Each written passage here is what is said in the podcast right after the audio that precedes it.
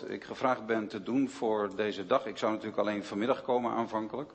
Om te spreken over waar gaat het mis in de uitleg van het evangelie.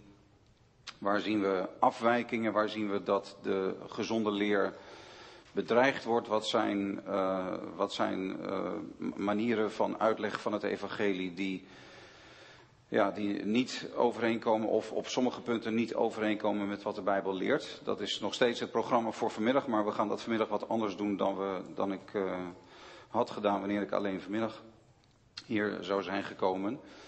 Maar omdat uh, de vrouw van Marius dus uh, corona heeft gekregen en hij thuis moet blijven, ben ik gevraagd om ook de morgen te doen. En vanmorgen denken we na over wat is het evangelie? En dat is een prachtige vraag om met elkaar bij stil te staan. We gaan helemaal terug naar de basis. We gaan terug naar de fundamentele waarheden van ons geloof, zou je kunnen zeggen. En ik wil proberen een paar dingen met jullie te delen over, uh, nou ja, wat is nou nodig? Wat, wat, is nodig dat we dat begrijpen? Wat zijn nou, wat zijn nou de, de pijlers van, van het geloof in het evangelie, het geloof in de Heer Jezus, die we helder moeten hebben om dat evangelie echt te kunnen begrijpen? Dus vanmorgen gaat het over wat is het evangelie? En ik ben blij om daar met jullie over te mogen spreken. Blij om jullie ook te ontmoeten. Mooi dat er zoveel mensen hier zijn. Ik begreep ook dat er een hele wachtlijst was van mensen die ook nog aan deze school hadden willen deelnemen, maar uh, niet meer de gelegenheid hadden om dat te doen. Dat is natuurlijk een heel goed teken dat er zoveel belangstelling is voor deze school. Maar prachtig dat jullie wel uh, deelnemers zijn. En dat ik ook een, uh, een bijdrage mag leveren deze dag en met jullie mag optrekken. Nou, wat ik als eerste wil doen, jullie hebben als het goed is inderdaad uh, pen en papier. Dat zie ik dat de meeste van jullie dat voor je hebben. Neem eventjes um, een minuutje de tijd om voor jezelf, alleen voor jezelf, uh, als je nou in twee zinnen aan iemand anders zou willen uitleggen, of iemand vraagt jou, wat is het evangelie? Wat zou jij dan in twee of drie zinnen tegen die persoon zeggen? Hoe zou jij in een notendop de boodschap van het evangelie uitleggen aan iemand anders. Zou je daar even de tijd voor willen nemen om dat uh, voor jezelf op te schrijven? We gaan, niet, uh, we gaan daar niet over praten, want ik wil, uh, ik wil ook jullie natuurlijk zoveel mogelijk meegeven vanmorgen. Maar het is goed om even misschien voordat we deze morgen hebben, dat voor jezelf op papier te zetten. Doe dat even als je wilt.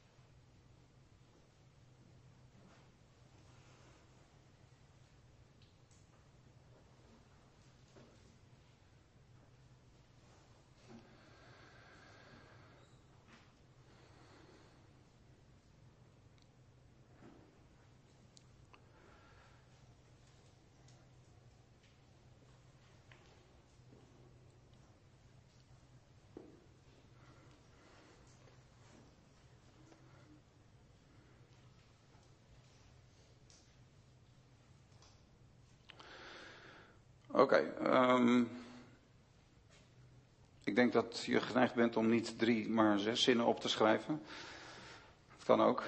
Uh, maar het is misschien wel goed om even dat voor jezelf te hebben bedacht. Van uh, wat is de kern van het evangelie, daar gaat het vanmorgen eigenlijk ook over. Oké, ik wil beginnen met um, een gedeelte aan jullie voor te lezen. Laten we met elkaar lezen in Lucas hoofdstuk 10. Een bekend gedeelte, maar ik wil dat als soort inleiding op het uitleggen van het evangelie als eerste met jullie bespreken. En dat gaat, eh, wat we met elkaar lezen, gaat over Martha en Maria.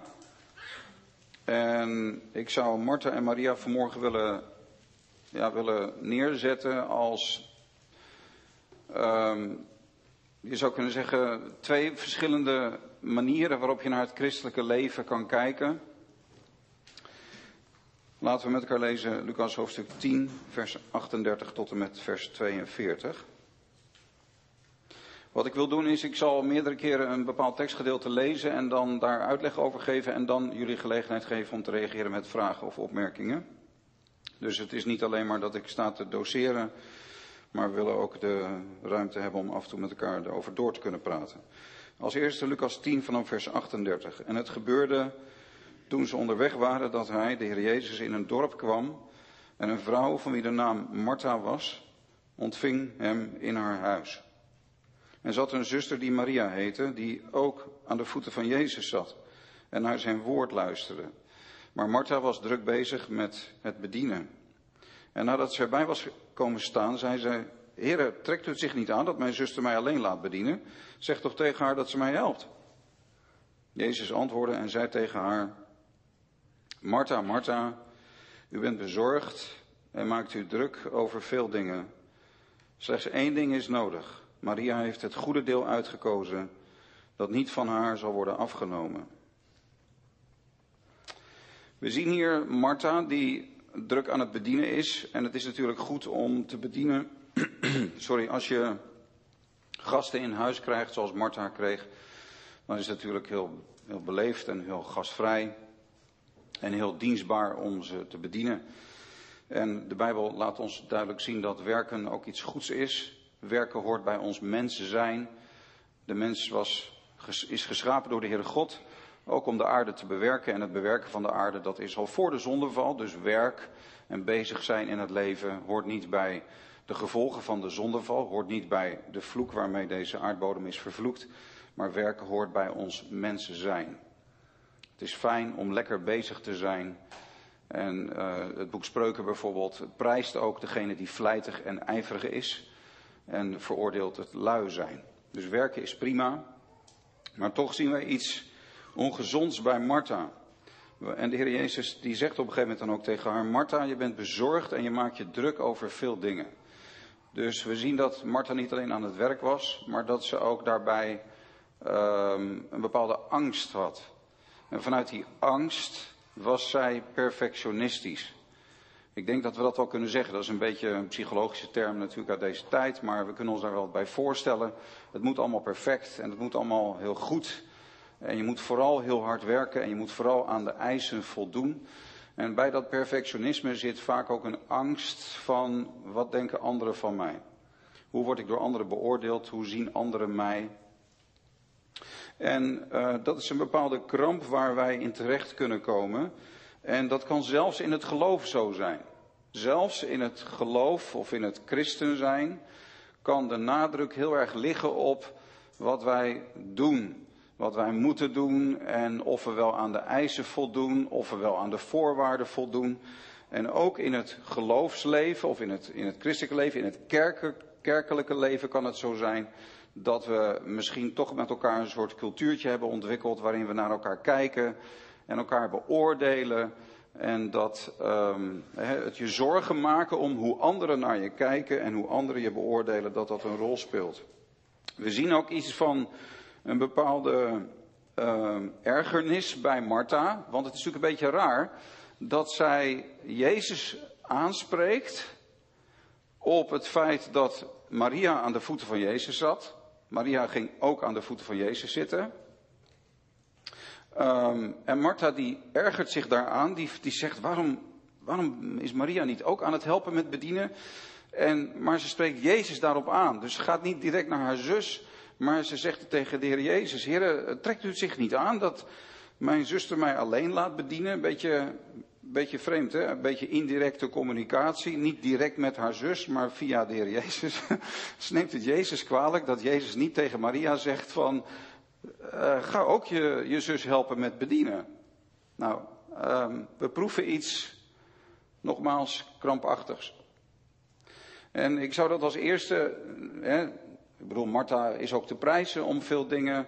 We komen Martha op andere plekken in het Nieuwe Testament tegen. En de heer Jezus hield van Martha en Maria en Lazarus.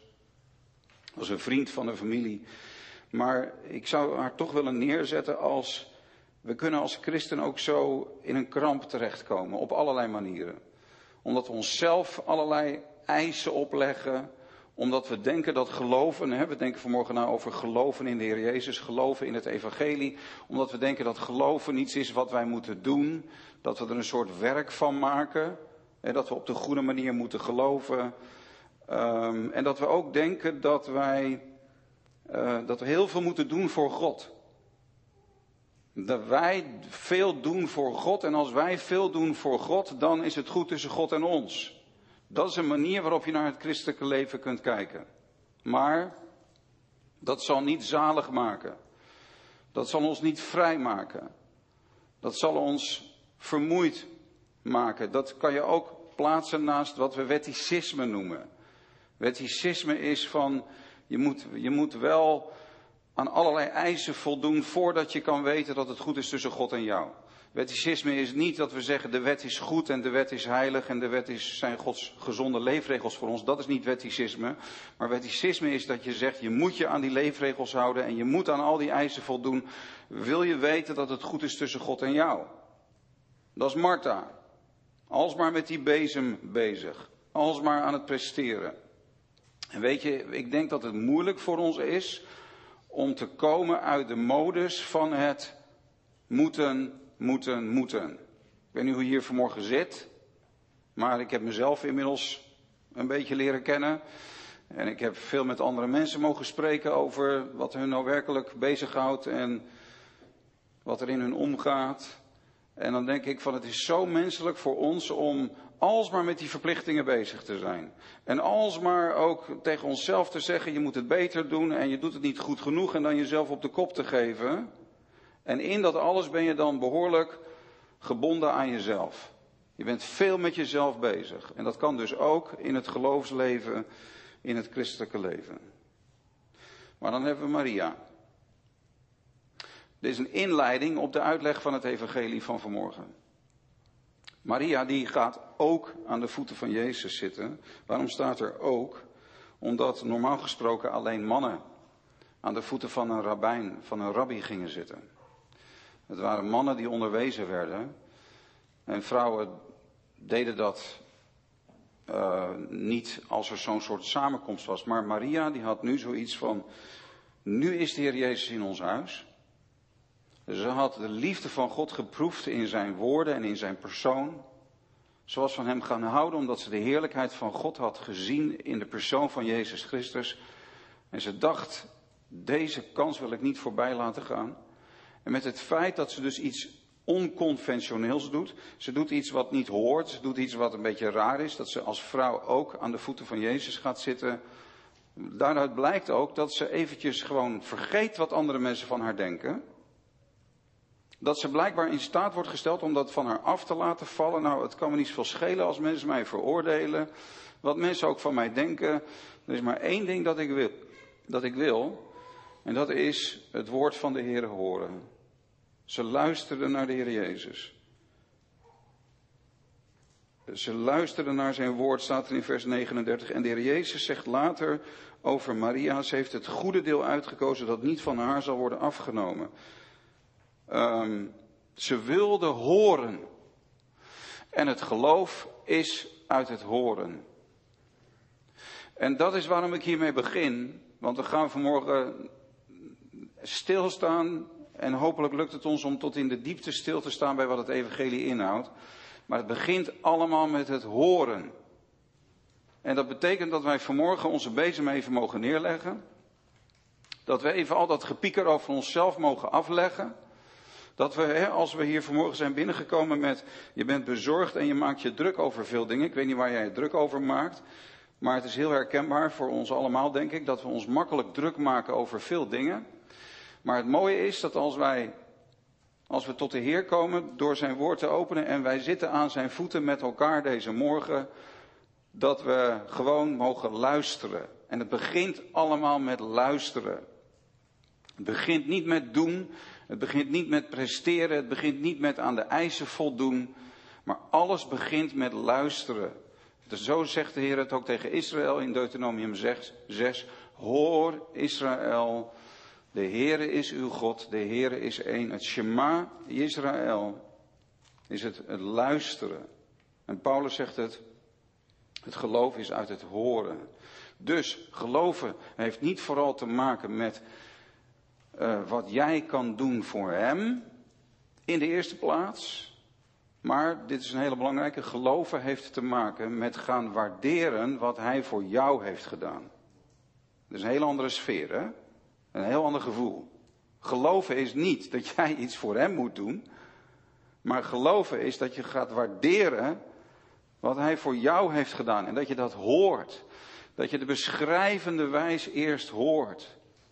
Je luistert naar, naar wat is de betekenis van de komst van Jezus naar deze wereld. Dat is ook de opzet van de brieven van Paulus.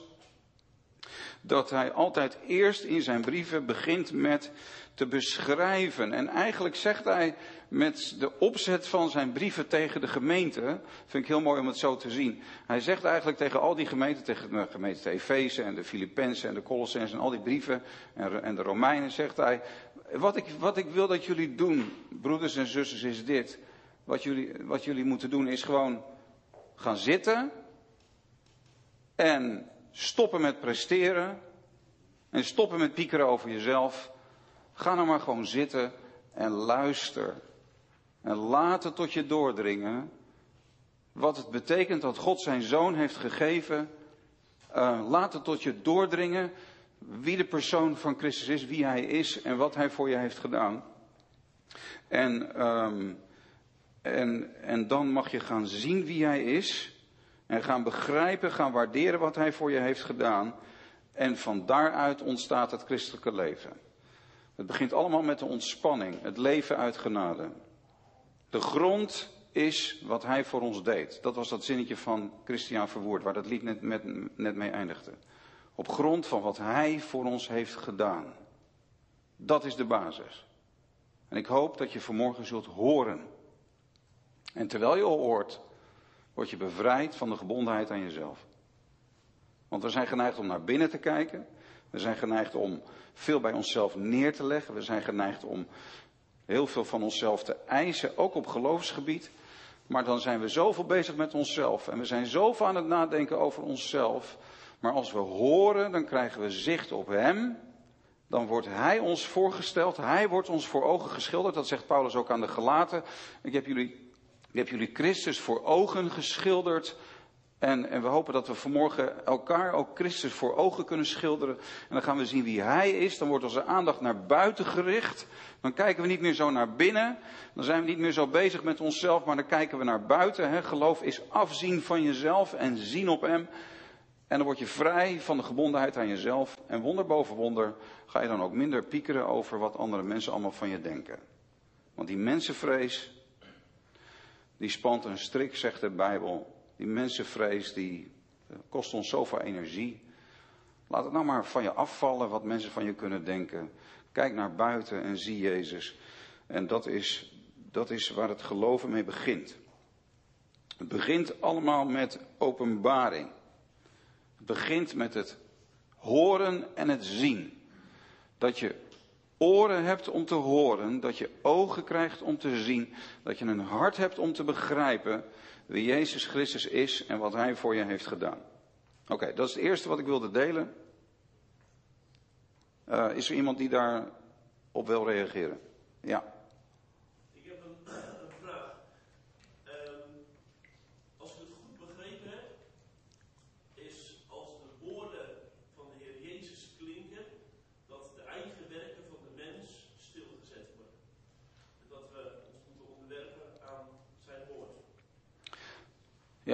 Dat, nou ja, kijk, het is niet zo, de, onze eigen werken, uh, om daardoor gerechtvaardigd te worden. Ja, kunnen we het dan ook omdraaien, dat als we nog steeds eigen werken doen, dat het woord van de Heer Jezus niet gepredikt is? Nou, zo zou ik het niet willen zeggen, want we blijven geroepen tot werken. Maar de vraag is, ehm, waarom doen wij die werken en voor wie doen wij die werken? Efeze 2 vers 8 zegt, uit genade bent u behouden door het geloof, niet uit uzelf, niet uit werken, opdat niemand zou roemen. Dus we zijn niet uit werken behouden. Geen eigen gerechtigheid, geen goede werken. Geen, we hebben niet uit onszelf grond om op te staan. Onze eigen werken zijn als drijfzand. Het enige, Christus is de rots van ons behoud. Hij is geen, wat hij voor ons deed is geen drijfzand. Dus we zijn alleen maar behouden uit genade. Maar dan staat er daarna in vers 10, om de goede werken te doen die God van tevoren bereid heeft dat wij daarin zouden wandelen. Dus die werken, we zijn wel geroepen tot werken, maar, maar niet, niet uh, waarom doe je die werken? Niet om God gunstig te stemmen, niet om Gods liefde te verdienen, niet om Gods, niet om in het reinen met God te komen, want we zijn alleen maar in het reinen met God door Christus. Maar waarom doe je die werken? Omdat je uit dankbaarheid en liefde voor Hem wilt gaan werken. Dus we zijn wel geroepen tot werken, maar de vraag is, waarom wil je die werken doen? Waarom doe je die werken en ten diepste voor wie? Doe je ze voor jezelf om daardoor in een goed daglicht bij God te komen? Dat gaat niet werken. Of doe je ze gewoon voor Hem, uit liefde voor Hem, omdat Hij jou eerst heeft liefgehad? Dus werken horen er wel bij, maar werken zijn vrucht en niet de basis. Dus een gevolg van en niet de start. Juist. En ik heb het nu over dat het, niet, dat het gewoon niet de basis is. De basis is het horen van het evangelie. En het geloven in Christus. Ja. Goeie vraag, meneer. Ja, ik vond het een heel afsprekende tekst vanmorgen. Um, alleen je spreekt ook voornamelijk over het, uh, het uh, geestelijke, zeg maar. Dus het, ja, hoe je als christen leeft, hoe je, uh, nou ja, daar druk mee bent, wat anderen van je vinden. maar ook in het praktische eigenlijk waar het nu over gaat in de tekst. Hè? Het, bedienen van je, van je visite, het bedienen van je kinderen misschien, van je... je vrouw uh, liefhebben, uh, je werk hebben. Algemeen vind ik vandaag de dag ontzettend moeilijk. Uh, omdat ik nogal, nou ja, ik zit nogal in de, in de, in de controle modus, zeg maar. Dus het allemaal onder controle moeten en willen houden. Hmm. En daar herken ik me nu heel erg in, in Marta, zeg maar. Dat die zoiets heeft van, ja, dat bedienen kan niet stoppen, zeg maar.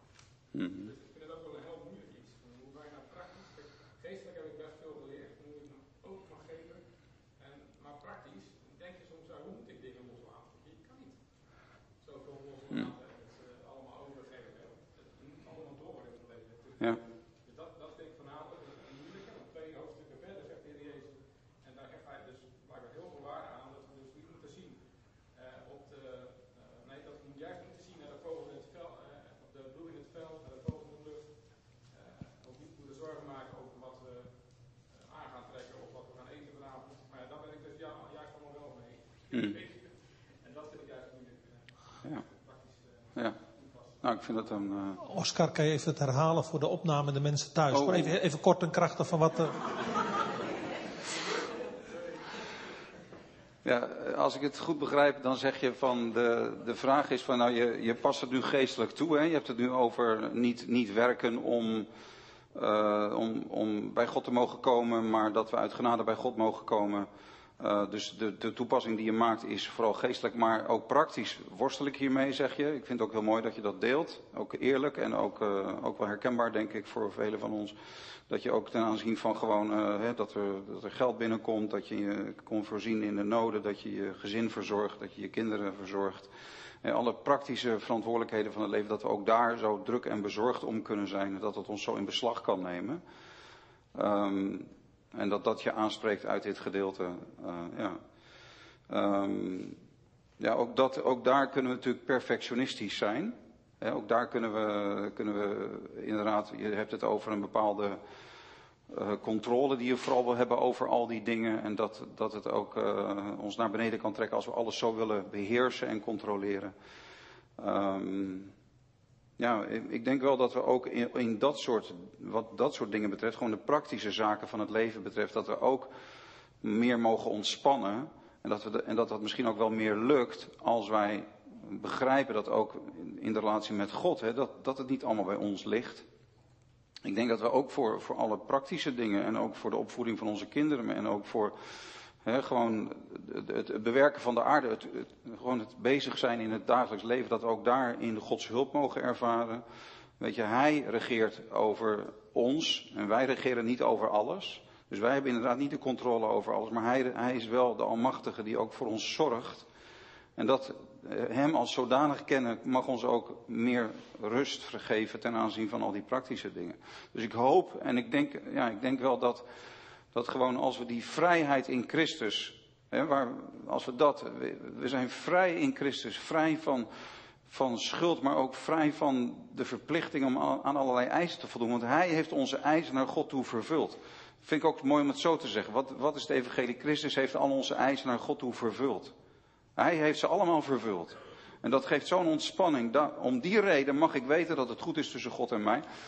Dus dan valt die kramp van ons af. Maar dat, dat mag ook doorwerken in de, in de praktijk van het leven. Dat we ook ten aanzien van de gewone verantwoordelijkheden, dat we ook wat ontspannender kunnen, mee, om, kunnen gaan. En dat de Heer gewoon ook daar ook bij helpt. Ja. Maar het is, ja, ik vind het mooi wat je zegt.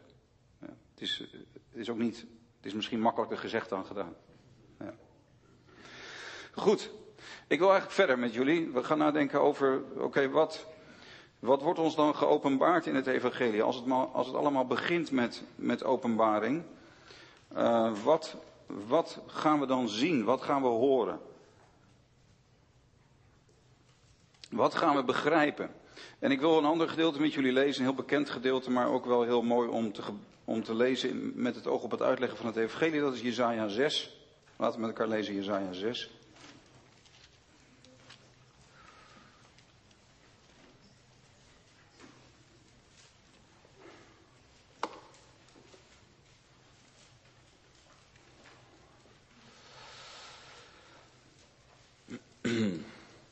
Jezaja 6.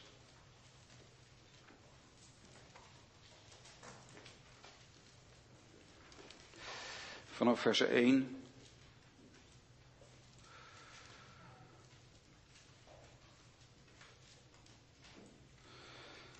Ik lees jullie uit de herziene staatvertaling. In het jaar dat koning Uzias stierf, dit schrijft de profeet Jezaja, zag ik, dus Jezaja zag, zag ik de Heer zitten op een hoge en verheven troon. En de zomen van zijn gewaad vulden de tempel. Seraf stonden boven hem. Ieder had zes vleugels. Met twee bedekte ieder zijn gezicht. Met twee bedekte hij zijn voeten. En met twee vloog hij. En de een riep tot de ander. Heilig, heilig, heilig is de Heer van de legermachten. Heel de aarde is vol van zijn heerlijkheid. De deurpinnen in de drempels schudden. Door de stem van hem die riep. En het huis vulde zich met rook. En toen zei ik, wee mij, want ik verga. Ik ben immers een man met onreine lippen. Ik woon te midden van een volk met onreine lippen. Mijn ogen hebben namelijk de koning, de heren van de legermachten gezien. Kijk, daar hebben we die openbaring. Dat je met je ogen gaat zien. Maar een van de serafs vloog naar mij toe. Hij had een gloeiende kool in zijn hand. Die hij met een tang van het altaar had genomen. En daarmee raakte hij mijn mond aan en zei, zie, deze heeft uw lippen aangeraakt. Zo is uw misdaad van u geweken en uw zonde verzoend. Daarna hoorde ik de stem van de Heer en hij zei, wie zal ik zenden, wie zal er voor ons gaan? En toen zei ik, zie, hier ben ik, zend mij. Het eerste wat we moeten gaan begrijpen uh, in het gaan begrijpen van het evangelie is dat wij besef krijgen van wie de Heere God is. En daarom wil ik als tweede met jullie nadenken over de heiligheid van God. Want hier zien wij dat als Jezaja een diepere openbaring krijgt van wie de Heer is, dat hij de Heer in zijn heiligheid gaat zien. Hij zag uh, de Heer zitten en serafs stonden boven hem en die riepen elkaar toe, heilig, heilig, heilig is de Heer van de hemelse legers, van de legermachten en heel de aarde is van zijn heerlijkheid vol. De Heere God is heilig. En je kunt het evangelie niet begrijpen als je niet begrijpt dat God heilig is en wat dat betekent. Wij denken vaak bij heilig aan niet zondig. Als we denken aan een heilig iemand, dan denken we nou dat is een man of een vrouw die, die heel weinig zondigt. En die eh, geeft niet toe aan verleidingen tot zonde. Heilig denken wij vaak aan afgescheiden, eh, afgescheiden van het kwaad. Hè. Heilig betekent letterlijk afgescheiden. In het Engels eh, to separate. Apart gezet, dat is wat het, het, het woord heilig betekent. Apart gezet. Ehm, trouwens, een mooi voorbeeld daarvan vind ik dat. eh, nee, nee, laat me dat, dat, dat doe ik even niet. Maar het betekent gewoon letterlijk eh, apart gezet of anders. En dan denken wij, de Heere God is heilig. Dat wil zeggen, hij is apart gezet of hij is afgescheiden van de zonde. Hij is afgescheiden van het kwaad. Wij denken bij de heiligheid van God aan wat de Bijbel ook zegt. God is licht, in hem is helemaal geen duisternis. En dat is helemaal waar. De Heere God is, is niet zondig. Er is niks kwaads in God. Er is niks, niks verkeerds in de Heere. De Heere God heeft nooit gezondigd. En in dat opzicht is hij heilig. Maar dit is nog maar een heel beperkte definitie van de heiligheid van God. Want we zeggen hiermee, ehm, we zeggen hiermee eigenlijk alleen maar wat hij niet is. Namelijk, hij is niet zondig. Hij heeft nooit kwaad gedaan. Maar de heiligheid van God betekent veel meer dan dat. Hij is niet alleen afgescheiden van het kwaad. Eh, weet je hoe je het eigenlijk zou moeten zien? De Heere God is afgescheiden van alles dat, dat is geschapen. Hij is de geheel andere. Hij is volkomen uniek. Niemand is zoals hij. En de heiligheid van God betekent dat er een heel groot verschil is tussen de Heere God en de schepping. En alles dat hij heeft geschapen. Het verschil tussen God en zijn schepping. Ehm, dat is veel breder.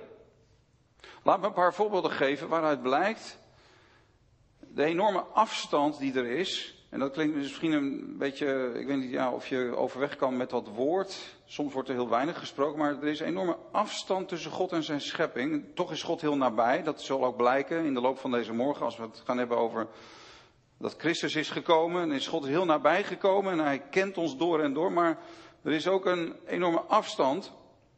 Bijvoorbeeld, God is eeuwig.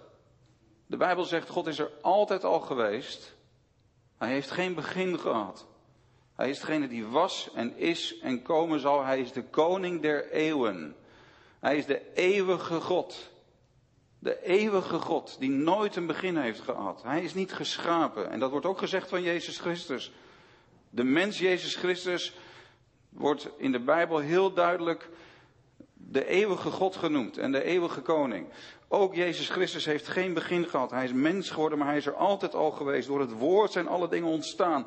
Dus God is eeuwig. De schepping heeft een begin gehad. In het begin heeft God de hemel en de aarde geschapen. Dat is natuurlijk een eindeloos verschil tussen God en de mens. Want het verschil tussen eeuwigheid en tijdelijkheid is eindeloos. Zo groot is de afstand tussen God en de schepping. We moeten God niet verkleinen. We moeten niet te klein van God denken. Als we spreken over zijn nabijheid, dan, dan mag ons dat vertroosten. Maar zijn nabijheid is alleen maar vertroostend als we ook begrijpen hoe groot hij is. En de heiligheid van God bepaalt ons bij de grootheid van God. En dat, en dat is, heeft ook te maken met dat hij de eeuwige is. Een ander punt wat ik zou willen noemen over de Heere God is dat hij ehm, niet alleen schepper, maar ook instandhouder is van alles dat is. Waarmee we bedoelen dat, dat zegt de Bijbel ook heel duidelijk, alles is van hem afhankelijk. Maar hij zelf is volkomen onafhankelijk. De Heere God is de enige die onafhankelijk is. Hij heeft ook niets en niemand nodig. De Puritijnen die spraken ook veel meer dan wij dat geneigd zijn te doen over de gelukzaligheid van God. Dat zegt Paulus ook in de brief aan Timotheus, het evangelie van de gelukzaligheid van onze God. Dus de Heere God is gelukkig, hij is, hij is, hij is volkomen uh, tevreden ook. Hij heeft helemaal geen noden, hij heeft helemaal geen gebreken. Hij is volmaakt gelukkig in zichzelf en hij heeft helemaal niets niemand nodig. Hij heeft zelfs de schepping niet nodig gehad. Hij heeft niet de schepping geschapen omdat hij eenzaam was. Hij heeft niet de mens geschapen omdat hij niet zonder de mens kon.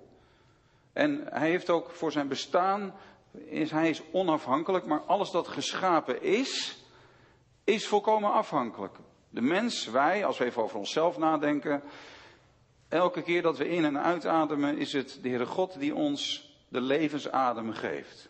Elke hartslag van jou en mijn lijf, zolang ons hart uh, klopt, is dat een geschenk van de Heere God. Weet je wel, het leven is door God gegeven. Alles wat adem heeft, loven de Heer, want het leven is door Hem gegeven. En er is geen leven buiten God, maar niet alleen het leven, ook de materiële wereld. Alle dingen hebben hun bestaan in Hem. Dus deze hele aarde en het heelal en de sterren en de sterrenstelsels en de planeten en alles dat is en ook alles wat wij in deze wereld tegenkomen en het gebouw waar we ons in bevinden en dit houten ding waar ik mijn Bijbel op heb gelegd, neem de Heere weg, neem de Heere God weg, neem de Heere Jezus Christus weg en alles zou in elkaar storten. Niks kan bestaan buiten Hem. Zelfs de materiële wereld heeft zijn bestaan in de Heere. Opnieuw een oneindig verschil tussen God en de schepping. Alles en iedereen is van Hem volkomen afhankelijk. Het is ook heel ondankbaar om Hem niet te danken. Mensen die heel veel krijgen, Hij laat zijn zon opgaan over rechtvaardigen en onrechtvaardigen. Iedereen ontvangt alles wat hij of zij heeft in het leven van de Heer. En dan is het ook heel ondankbaar om hem niet te danken. Dat is ook eigenlijk een beschrijving van de zonde van in Romeinen 1, hem niet danken.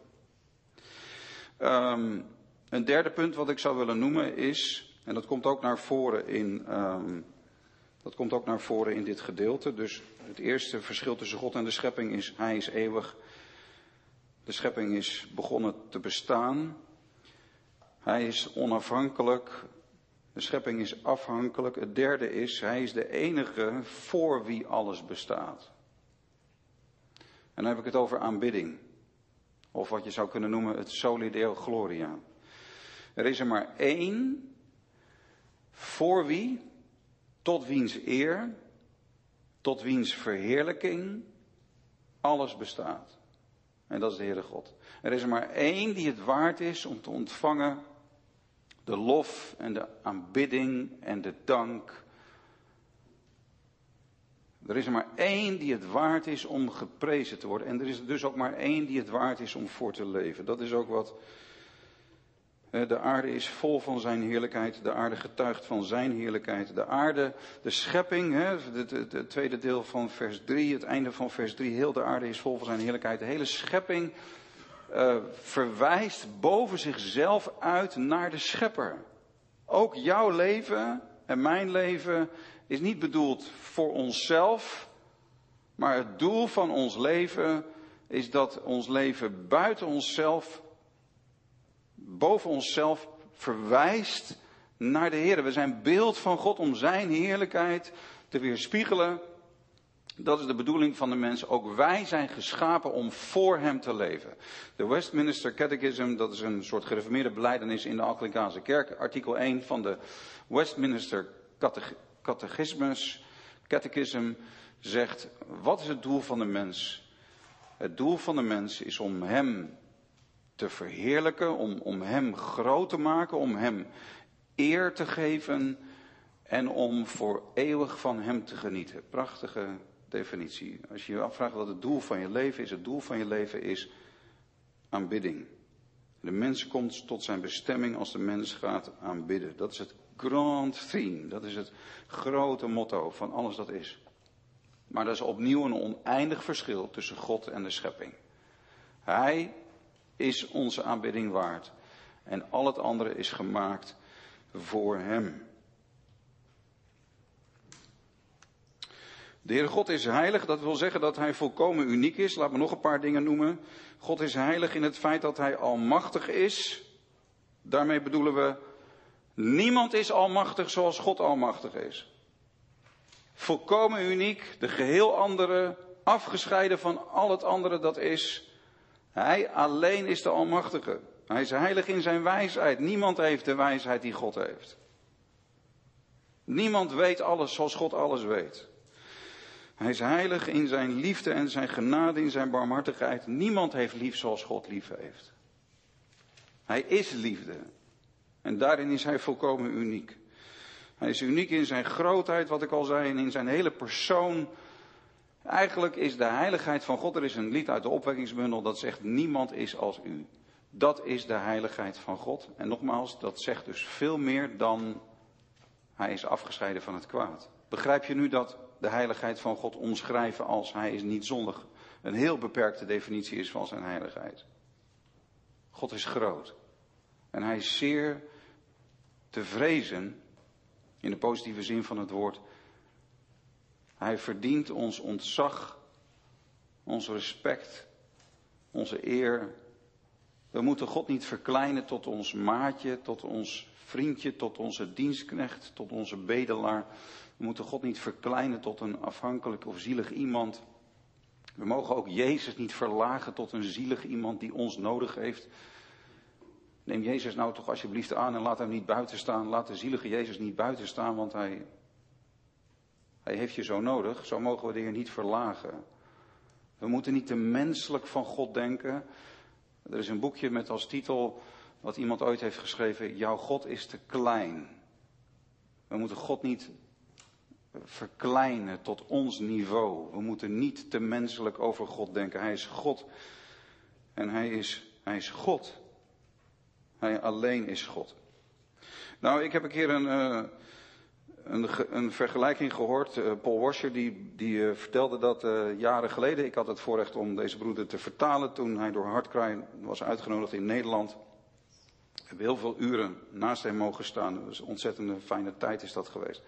Ik, een, een vergelijking die hij toen maakte, die wil ik ook eh, met jullie delen, maar ik doe het wat anders dan als wat hij het deed, want ik laat het wat meer aansluiten bij Jezaja 6. Luister naar, naar deze illustratie.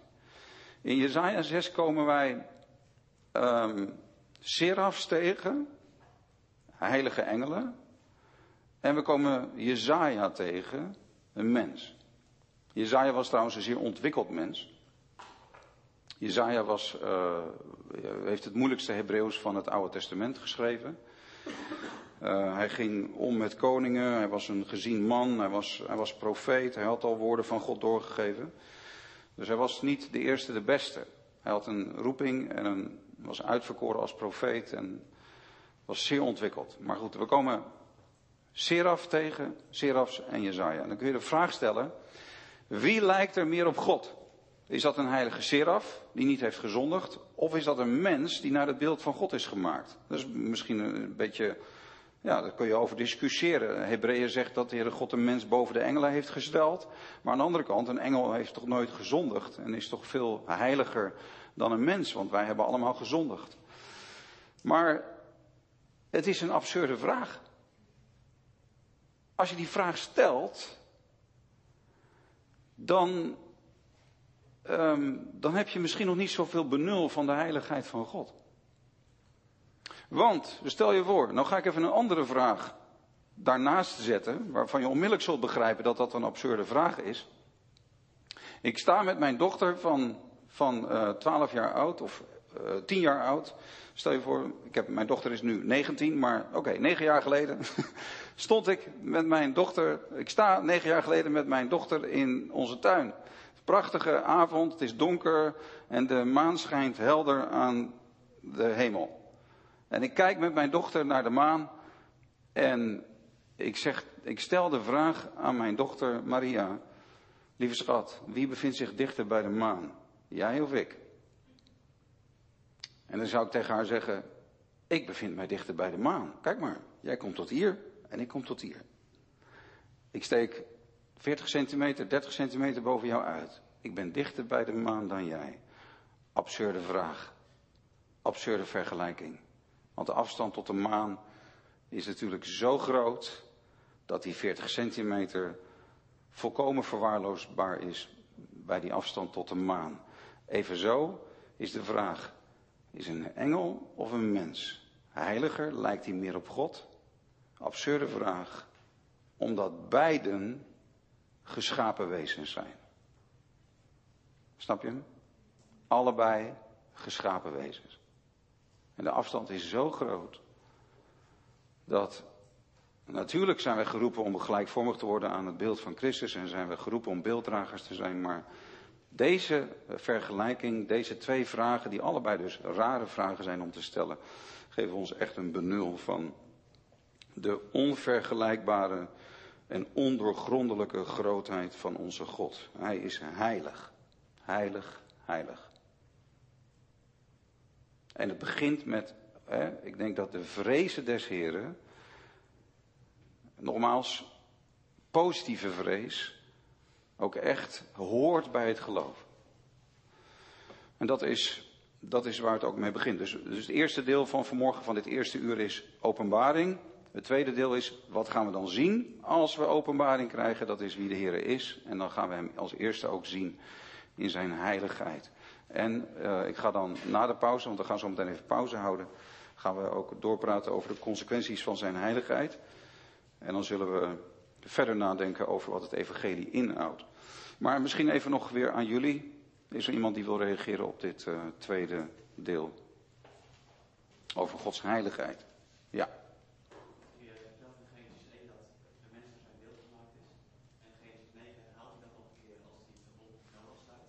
Ja. Dat viel me laatst op dat het toch wel, uh, ik wist nog niet dat dat herhaald werd. Maar met het voorbeeld wat u geeft, denk ik, ja, heeft dat nog wel waarde dan? Als je toch Ja. die afstand zo en ik denk dat het goed is om te benadrukken, maar als God ook echt benadrukt dat de mens op hem blijft, waarom doet hij dat dan? Oké. De, de vraag is, ehm, in Genesis 2 staat dat de mens naar het beeld van God is geschapen. In Genesis 9 wordt dat herhaald, ook bij de, bij de zondvloed van Noach.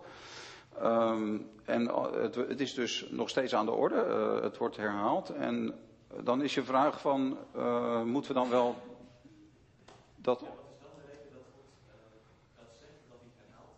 Want blijkbaar heeft hij toch waarde voor Ja, oké, wat is de reden dat het herhaald wordt, ook na de zondeval? Blijkbaar heeft het toch waarde voor de Heere God. Ja, dat is een hele terechte observatie. En ehm, eh, dus de, de, er staat in Romeinen 3, wat we later ook zullen gaan lezen, de mens uh, mist de heerlijkheid van God. De mens, hè, alle mensen hebben gezondigd en derven of missen de heerlijkheid van God. Maar uh, dus door de zondeval is het beeld van God aangetast geraakt. Dus er is, er, is, er is kwaad bijgekomen. De mens heeft kennis gekregen van goed en kwaad. Het kwaad is erbij gekomen in de, in de kennis en, de, en, de, en het zijn van de mens is het kwaad erbij gekomen. Maar dat beeld is dus niet helemaal verdwenen. Ieder mens is nog steeds beelddrager van God. Ieder mens die geboren wordt, uh, is nog steeds de kroon op Gods schepping. Wij zijn, wij zijn nog steeds het mooiste wat God heeft gemaakt. Dat vind ik een mooie gedachte. De mens is de kroon op Gods schepping.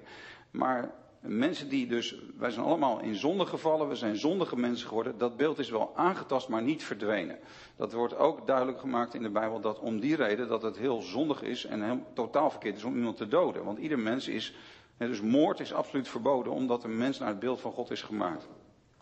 Nog steeds weerspiegelt de mens de Heere God. Nog steeds kunnen we in de mensen zien wie God is. Weet je, de, de, het feit dat wij personen zijn, laat ook iets zien van wie de Heere God is, die ook een persoon is.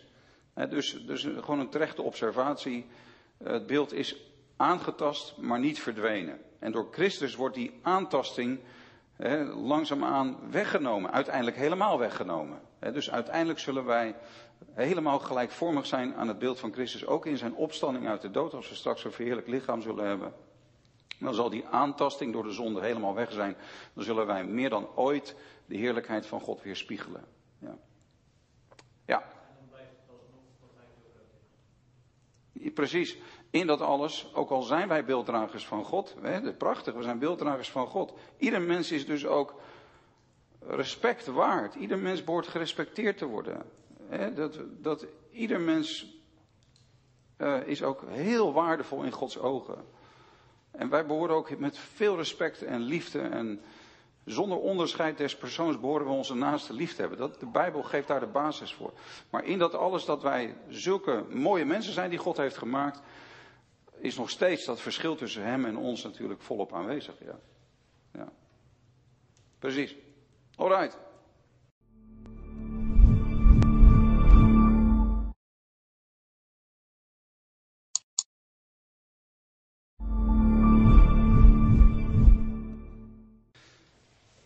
Wil nog een ander gedeelte met jullie lezen. Ik zal nog wel terugkomen op uh, Jezaja 6, maar ik wil ook Romeinen 3 met jullie lezen als we nadenken over wat is het evangelie.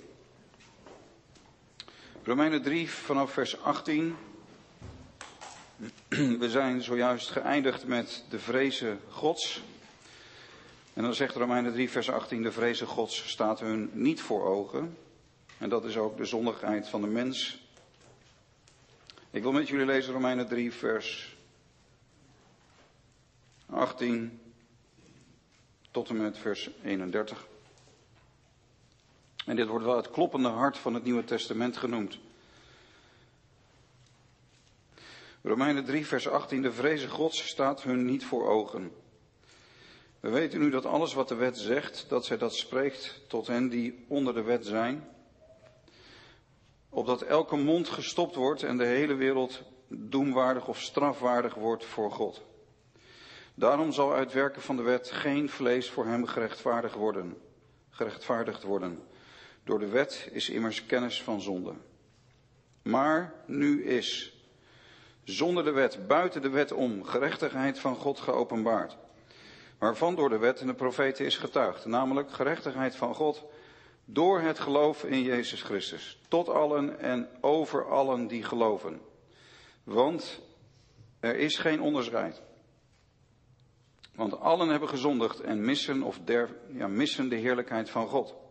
En worden om niet gerechtvaardigd door zijn genade, door de verlossing in Christus Jezus. Hem heeft God openlijk aangewezen als middel tot verzoening door het geloof in zijn bloed. Dit was om zijn rechtvaardigheid te bewijzen vanwege het voorbij laten gaan van de zonde die eertijds hadden plaatsgevonden onder de verdraagzaamheid van God. Hij deed dit om zijn rechtvaardigheid te bewijzen. Nu, in deze tijd, zodat hij zelf rechtvaardig is en rechtvaardig degene die uit het geloof in Jezus is. Waar is dan de roem? Hij is uitgesloten. Door welke wet? Van de werken? Nee, maar door de wet van het geloof. Wij komen dus tot de slotsom dat de mens door het geloof gerechtvaardigd wordt zonder werken van de wet. Of is God alleen de God van Joden en niet ook van heidenen? Ja, ook van heidenen. Het is toch immers één en dezelfde God, die besnedenen rechtvaardigen zal uit het geloof en onbesnedenen door het geloof. Doen wij dan door het geloof de wet te niet? Volstrekt niet. Maar wij bevestigen juist de wet door de genade en het geloof te prediken. Oké, we hebben nagedacht over Gods heiligheid. We hebben nagedacht over dat alles bestaat tot zijn eer. Dat alles gemaakt is om hem te verheerlijken. Alles is ook openbaarwording van zijn heerlijkheid. De verheerlijking van Gods naam is ook de, de openbaarwording van zijn heerlijkheid. Het doel van de schepping is om hem te verheerlijken. Maar de mens heeft de heerlijkheid van God vervangen door het beeld van een vergankelijk mens staat er in Romeinen 1. Dus we zijn geëindigd zojuist met de Heer God is zeer te vrezen. En Hij is onze aanbidding waard. En we zijn geschapen om voor Hem te leven. We zijn geschapen om Hem te verheerlijken. Wij zijn gemaakt voor Hem. Maar de mens heeft de heerlijkheid van de eeuwige God vervangen door het beeld van de vergankelijke mens. Dus de mens heeft zichzelf centraal gesteld. Dit is de zondeval. Dit is wat er is gebeurd met de mens. Het geschapene wordt aanbeden in plaats van de schepper. En dat is ontrouw, zou je kunnen zeggen. Augustinus heeft gezegd, stel je voor dat je een uh, verloofd stel hebt. En de, de man geeft aan zijn verloofde een prachtige ring, een verlovingsring of de toekomstige trouwring. En ze gaat meer van die ring houden dan van haar geliefde. Zou haar hart dan niet schuldig zijn aan ontrouw, zegt Augustinus dan?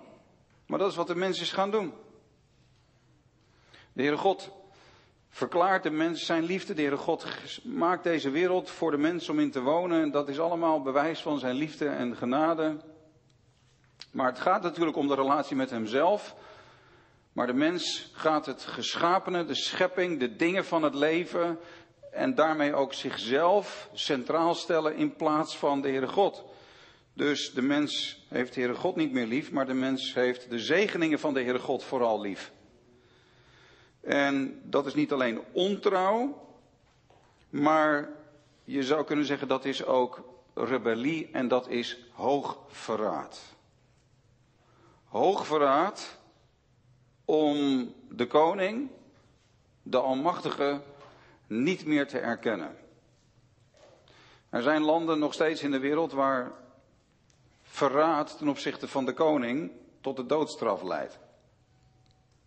Er zijn landen waar als je niet meer het gezag van een koning of de machthebbende president erkent, dat je daar de doodstraf voor kan krijgen. Dat dat als staatsgevaarlijk wordt gezien.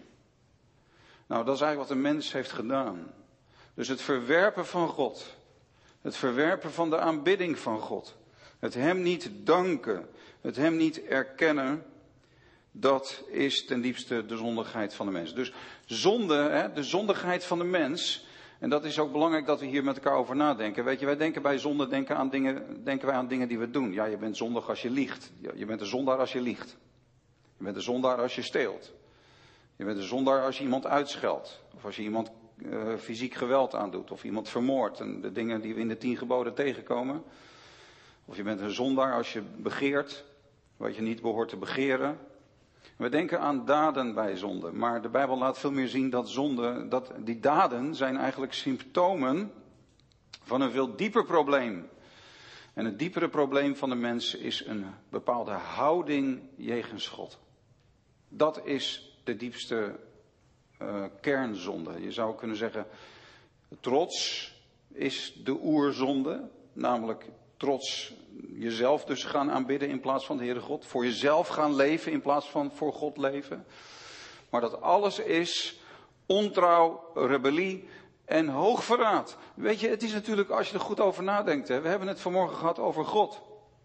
We hebben het gehad over over Hem, de enige waarachtige God. We hebben het gehad over de schepper van hemel en aarde. We hebben het gehad over de God die heilig, heilig, heilig is. We hebben het gehad over degene aan wie wij alles hebben te danken, van wie wij volkomen afhankelijk zijn, enzovoort, enzovoort.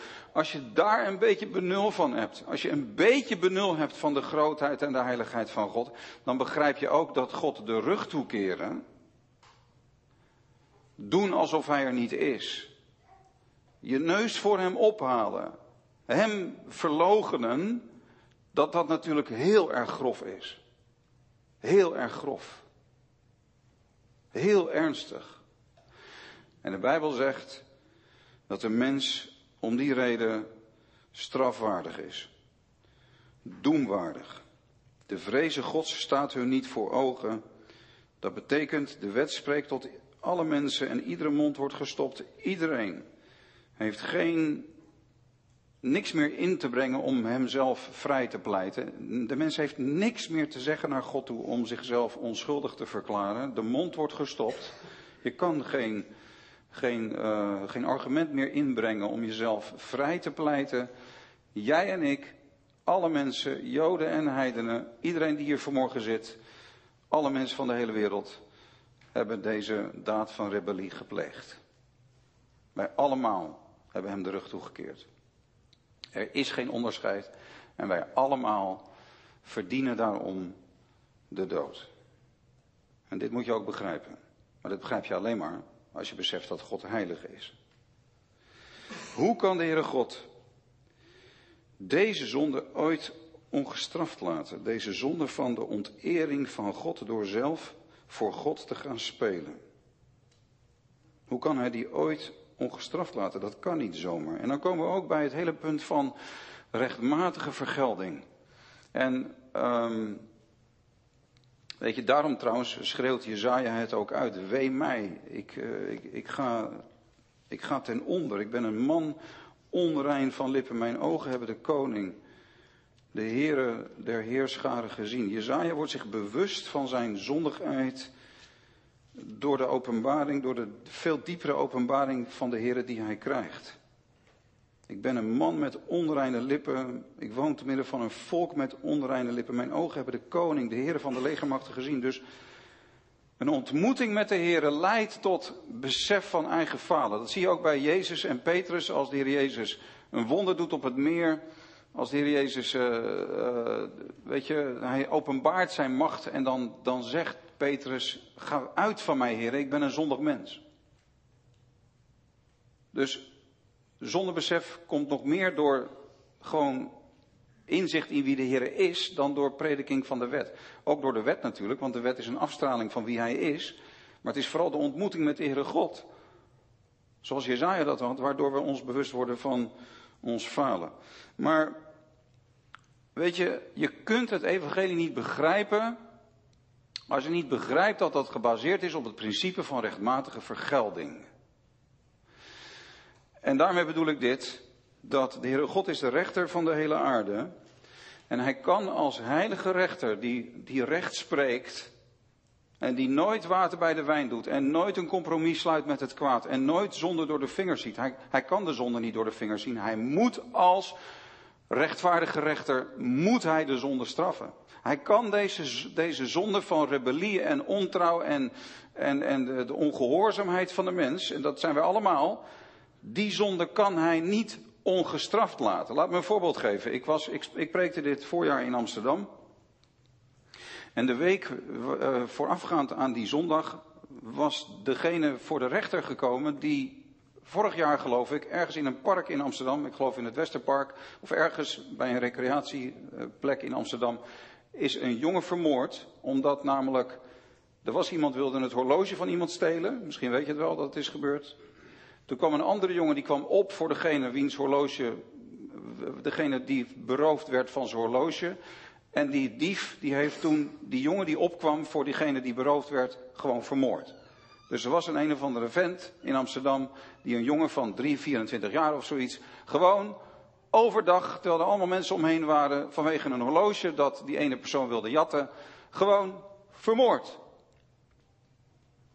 Die moordenaar, die stond dit voorjaar voor de rechter in Amsterdam. En wij weten allemaal dat, stel je voor dat die rechter op dat moment, terwijl de bewijzen daar zijn dat deze vent dit heeft gedaan. Hij heeft gewoon een jonge kerel, het zal je zomaar zijn. Het zal je zoon of je kleinzoon maar zijn, of je broer, of je vriend, of je man. Dat je gewoon om zo'n incident door een ander wordt vermoord. Die komt niet meer terug. Stel je voor dat die rechter dan zou zeggen: Meneer, ik zie dat u dat gedaan hebt. Ik zie dat u iemand eh, van het leven heeft beroofd, maar er is al zoveel lijden in deze wereld en er is al zoveel kwaad. Ik vind dat de liefde moet overwinnen. Ik spreek u vrij.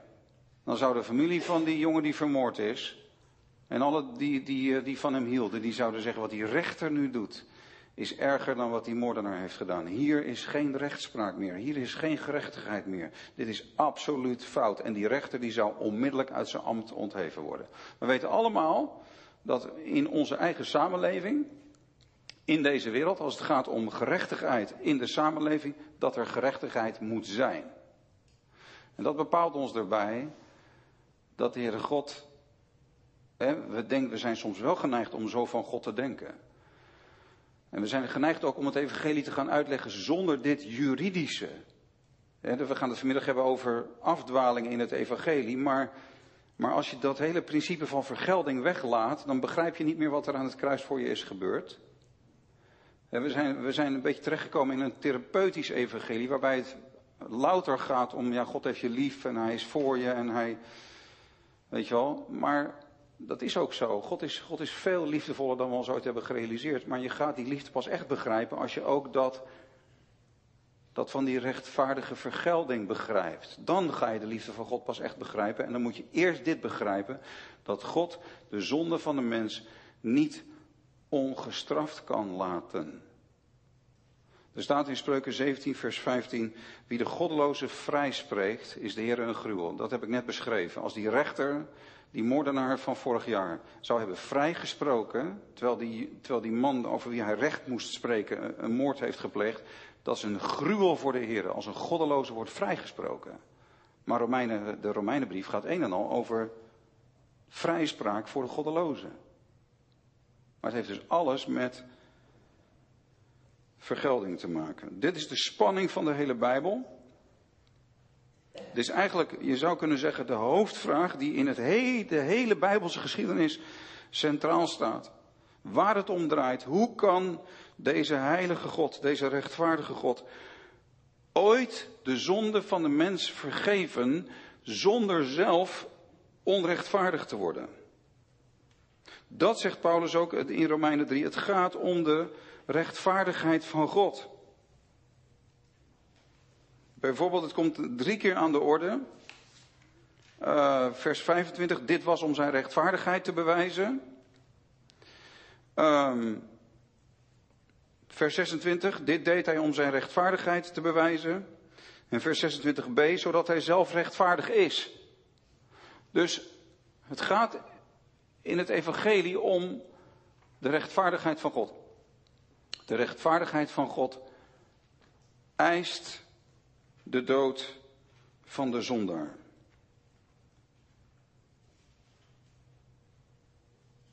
De eis van de gerechtigheid is daar. En um, wij zijn allemaal strafwaardig. En, um, en pas als je dit begrijpt, kan je gaan begrijpen wat er aan het kruis voor je is gebeurd. En dan ga ik even op een andere manier ga ik dat benaderen. Ik ga even, even maak ik een stap met je en dan kom ik zo meteen weer terug op die gerechtigheid van God. Maar het is belangrijk dat, dat we dit helder hebben. We kunnen de vraag stellen, um, waardoor stierf Christus aan het kruis? Dus wat, wat is er nou werkelijk voor ons aan het kruis gebeurd? Kijk, het is, het is heel apart dat um, Jezus al zo snel is gestorven. Hij is namelijk, eh, misschien uh, jaren geleden, al echt wel alweer lang geleden, kwam die film van Mel Gibson, The Passion of Christ. En uh, ik denk dat er terecht kritiek was op die film, want Mel Gibson heeft heel veel gewelddadige films gemaakt. En hij heeft van de, de dood van Christus ook iets heel gewelddadigs gemaakt. Het lichaam van Christus was helemaal bebloed en hij werd gigantisch gemarteld. En de nadruk lag heel erg op het, het fysieke lijden dat hem aangedaan werd. En Antoine Baudard is een bekende priester uh, van de katholieke kerk die in die tijd veel in de media was. En die heeft gezegd het, het slachthuisgehalte van deze film is veel te hoog. Hij heeft, heeft er een, een slachtpartij van gemaakt. Maar de Bijbel zegt, ja, hij werd gegezeld. Zeker, hij werd gegezeld. Maar er werden spijkers door zijn handen en voeten geslagen. Maar het punt is, alleen van het bloed dat je verliest door spijkers door je handen en voeten, daar sterf je niet aan.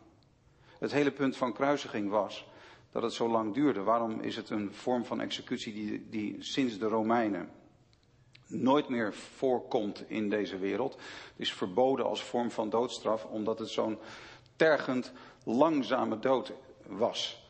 Je, je stierf pas na 24, 36, 48 uur. En dit was een speciale sabbat. Het was de sabbat van de Pesach, dat Jezus werd gekruisigd. En uh, daarom hebben de soldaten de benen gebroken van de mensen, de drie die daar hingen, waar, waaronder Jezus. Want als, je, als de benen werden gebroken, dan kon de gekruisigde zich niet meer, niet meer opduwen om nog adem te halen. En dan kwam verstikking al snel. Dus op die manier werden de gekruisigden uit hun lijden verlost en waren ze binnen één of twee uur uh, gestorven.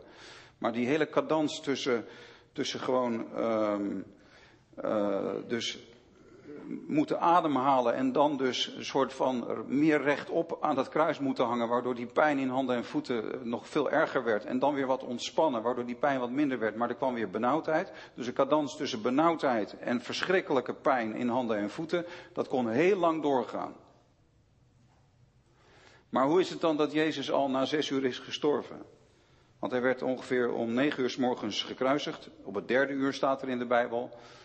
En om het negende uur is hij gestorven. Drie uur s middags stierf de Heer Jezus. Na zes uur al. Hij, zijn benen hoefden niet gebroken te worden toen die soldaten kwamen om dat te doen. Bij die andere twee moest dat wel gebeuren. Jezus stierf al veel eerder. Sommige mensen hebben gezegd, Jezus stierf Um, omdat hij zich zo ontzettend naar voelde en omdat hij zo, sociaal afgewezen was, omdat zijn eigen volksgenoten zeiden weg met hem en omdat hij zag dat zijn eigen discipelen hem in de steek lieten. Uh, sommige mensen hebben gezegd, Jezus is al zo snel gestorven omdat zijn hart was gebroken. Zijn hart was gebroken en je kunt van verdriet sterven en dat is wat er met Jezus gebeurde en daarom stierf hij al zo snel. Maar dat is niet de reden. En soms inderdaad wordt er ook gewoon gezegd, ja, Jezus stierf omdat de Romeinse soldaten hem zo hebben behandeld. Ehm, maar ook dat is niet juist. Je kunt het ook nog van een andere kant benaderen. Jezus heeft gezegd, wees niet bang voor hen die het lichaam doden. dat heeft hij gezegd. Dat is trouwens een geweldige bemoediging voor ons. Wees niet bang voor mensen die je kunnen vermoorden. Wees ook niet bang voor dat wat je lichaam kan doden. Wees niet bang voor de ziekte die zich kan aandienen. Wees niet bang voor een ongeluk dat kan plaatsvinden. Dat is natuurlijk wel. Ik bedoel, dat zijn vertroostende woorden, maar we zijn allemaal ergens natuurlijk wel bang voor de dood. Maar die woorden mogen we wel horen. Jezus zegt: Wees niet zo bang voor de lichamelijke dood. Wees niet bang voor hen die het lichaam kunnen doden. Jezus was ontzettend bang. Uh, dat staat ergens in Matthäus, maar ik weet het niet uit mijn hoofd. Maar hij was zelf wel heel erg bang in Gethsemane. Weet je nog? Hij was zo bang dat er zelfs bloed uit zijn poriën kwam. En hij, dat ging om die beker. Die beker waarvan hij bad, Heer, mag die beker aan mij voorbij gaan. Maar niet mij wil, maar u wil geschieden. Maar Jezus werd dodelijk beangst. Maar hij was niet bang voor wat mensen hem zouden aandoen, want hij, hij leefde wat hij predikte. Hij had gezegd, wees niet bang voor mensen die het lichaam kunnen doden. Hij was dus niet bang voor die Romeinse soldaten. Hij was niet bang voor die sociale afwijzing. Hij was niet bang voor die spijkers door zijn handen en voeten. Wat was dan wel die beker waar Jezus zo ontzettend bang voor was. Het is trouwens een fysiek, het is een medisch feit dat als mensen extreem bang zijn, dat gebeurt ook wel eens bij soldaten in oorlogssituaties, dat als er sprake is van extreme angst, extreme spanning, dat inderdaad bloed uit de poriën kan komen. Dat heeft een medische naam. Maar dat gebeurde met Jezus. Zo bang is hij geweest. Maar wat was die beker? Dat was niet wat mensen hem zouden aandoen. Jezus is niet gestorven om wat mensen hem aan hebben gedaan, maar hij is al na zes uur aan het kruis gestorven, omdat hij getroffen werd met het oordeel dat wij verdienen. Omdat hij de toorn van God over zich kreeg. Omdat er staat in Hebreeën, het is vreselijk te vallen in de handen van de levende God. Ik zal het vergelden, zegt de Heer. Jezus is al zo vroeg gestorven en Jezus was zo ontzettend bang. En, eh, en dit is de inhoud van die beker. Dat is het oordeel van God over de zonde. Jezus stierf niet door wat mensen hem aandeden. Maar Jezus stierf om wat zijn eigen hemelse vader, de Heere God, hem aan heeft gedaan. En dit is de diepste openbaring van Gods liefde. Dat wij verdienen dat oordeel, wij verdienen die straf, wij verdienen dat van God verlaten zijn. Wij verdienen de toorn van God, wij zijn doemwaardig, wij zijn strafwaardig, wij hebben helemaal geen grond meer om, om op te staan, om, wij, onze mond wordt gestopt en we kunnen niks inbrengen bij God om, om bij hem te mogen komen. Wij zouden voor eeuwig van zijn aangezicht verwijderd moeten worden, maar nu beslist de Heere God om zijn zoon van zijn aangezicht te verwijderen zijn zoon te veroordelen. Jezus was in zekere zin in de hel van God verlaten, van God gescheiden. En daarvoor was Jezus zo bang. Wat er aan het kruis gebeurde heeft te maken met vergelding. Vergelding omdat de rechtvaardige rechter niet anders kan dan de zonde te straffen. Hij kan niet anders, anders zou hij geen rechtvaardige rechter meer zijn. En nu kunnen we het evangelie in een notendop weergeven. Het evangelie heeft te maken met dit.